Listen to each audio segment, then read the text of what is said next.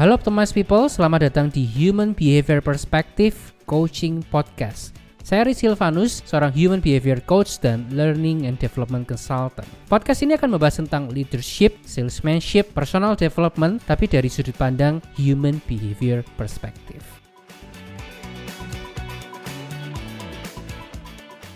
Sebagai pemimpin bisnis, kita tentu sadar bahwa tim sales kita itu adalah main driver dari bisnis kita.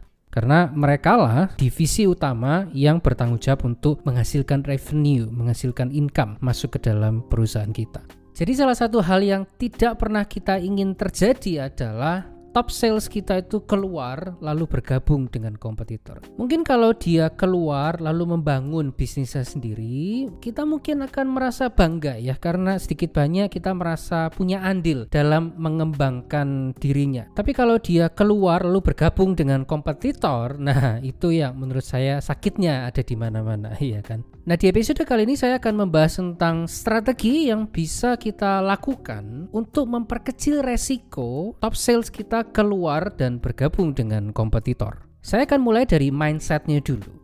Kita tidak bisa menghalangi hasrat natural yang umumnya dipunyai oleh seorang sales sejati. Seorang yang secara natural seolah dilahirkan sebagai seorang sales itu biasanya mempunyai jiwa seorang entrepreneur. Mindsetnya bukan ke arah pensiun, mindsetnya ke arah skill up. Bukan tentang aku sudah melakukan apa lalu hasilnya nanti akan aman selama-lamanya. Bukan, itu terlalu fix, terlalu statis buat dia. Seorang sales yang sejati selalu berpikir seperti entrepreneur. Apa yang bisa aku lakukan supaya makin besar, makin besar dan makin besar. Nah, itu sebabnya para top sales ini kadang-kadang dipersepsi sebagai semacam kutu loncat begitu ya pindah dari perusahaan sini ke perusahaan yang lain. Padahal sebetulnya bukan mereka itu tidak bisa loyal, bukan. Tapi mereka terus-menerus ingin ada di suasana atau sebuah tim, sebuah komunitas yang terus-menerus berkembang. Mereka terlalu bosan kalau ada di sebuah perusahaan yang seolah-olah berputar di tempat. Nah, tapi saya sadar bahwa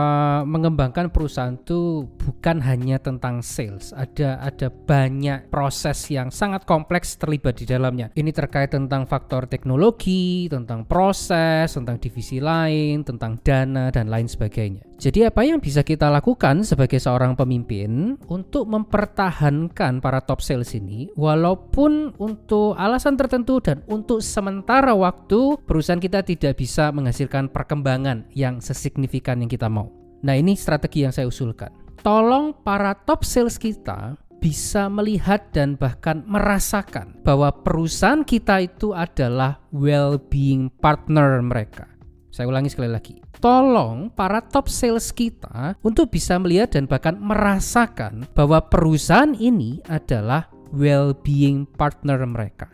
Nah, bagaimana kita bisa melakukan ini? Ada tiga hal yang harus kita pahami. Pertama, top sales itu selalu punya mimpi. Para top sales ini biasanya bukan termasuk orang yang dengan mudah begitu saja menerima nasib atau menganut asas hidup itu yang penting mengalir aja, yang penting happy mereka selalu punya sesuatu yang ingin dibuat lebih baik. Nah, kadang-kadang ini terkait dengan karir mereka, mereka ingin lebih naik lagi karirnya. Tapi kadang-kadang mimpi itu terkait dengan hidup personal mereka. Mungkin tentang orang tua mereka, mungkin tentang keluarga mereka, mungkin mereka ingin mobil yang lebih baik, rumah yang lebih baik, tempat tinggal yang lebih baik, anak mereka punya masa depan yang lebih baik. Intinya, kita tidak akan pernah betul-betul tahu kecuali kita dengan sengaja cukup sering melakukan pembicaraan one on one dari hati ke hati dengan mereka. Beberapa sales leaders bilang, "Pak, saya selalu meluangkan waktu one on one dengan semua tim saya tanpa terkecuali."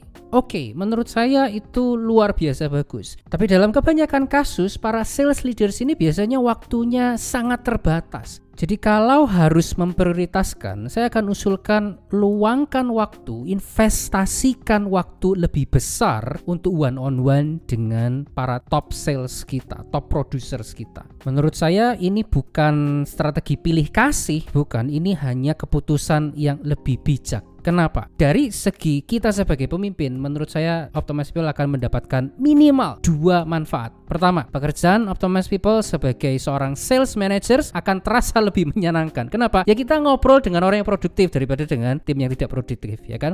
Yang kedua, ini adalah keputusan strategis yang akan menghasilkan return of time investment yang lebih baik. Kenapa? Karena kita maintaining the best atau top producers. Jadi itu hal pertama. Top sales itu selalu punya mimpi. Peran kita adalah menginvestasikan waktu untuk one on one supaya kita bisa memahami mimpi mereka dan sebisa mungkin membantu mewujudkannya. Sekali lagi saya sama sekali tidak mendorong kita sampai melanggar peraturan perusahaan, mengenak emaskan orang-orang tertentu, bukan. Tapi tunjukkan sebagai sesama manusia dan lebih penting lagi sebagai seorang atasan. Kita peduli dan kita ingin membantu mewujudkan mimpi dari para para top producers kita.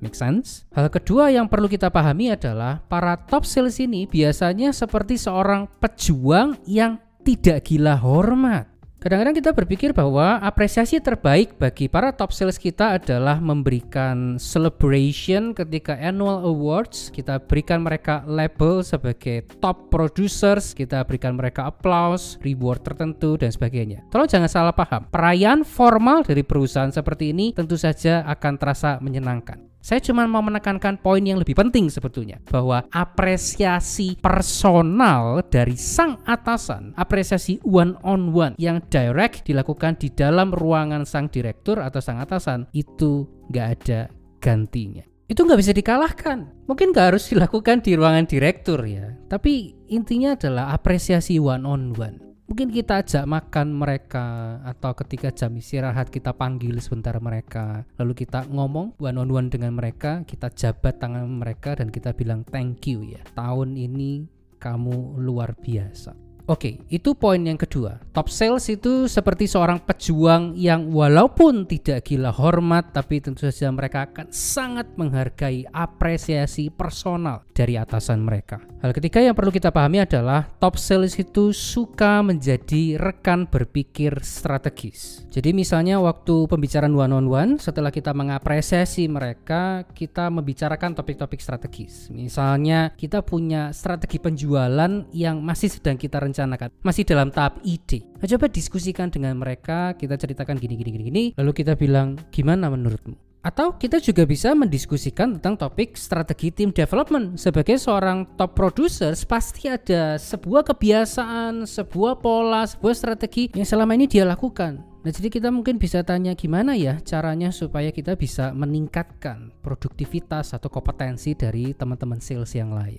Oke, itu tiga hal yang perlu kita pahami kalau kita mau memperkecil resiko para top producers kita pindah ke kompetitor. Nah, menutup episode ini saya ingin mengatakan begini tidak perlu terlalu khawatir bahwa strategi yang tadi kita bicarakan itu akan membuat mereka terlalu besar kepala lalu menuntut ini dan menuntut itu. Kerendahan hati itu adalah keputusan masing-masing orang di hadapan Tuhan. Kesuksesan itu tidak membuat karakter orang berubah. Kesuksesan itu hanya memperbesar apa yang sebetulnya ada di dalam mereka. Di sisi lain, ingatlah bahwa menunjukkan apresiasi personal ke tim dengan kinerja terbaik menurut saya itu adalah sikap yang seharusnya dilakukan oleh seorang pemimpin yang bijaksana.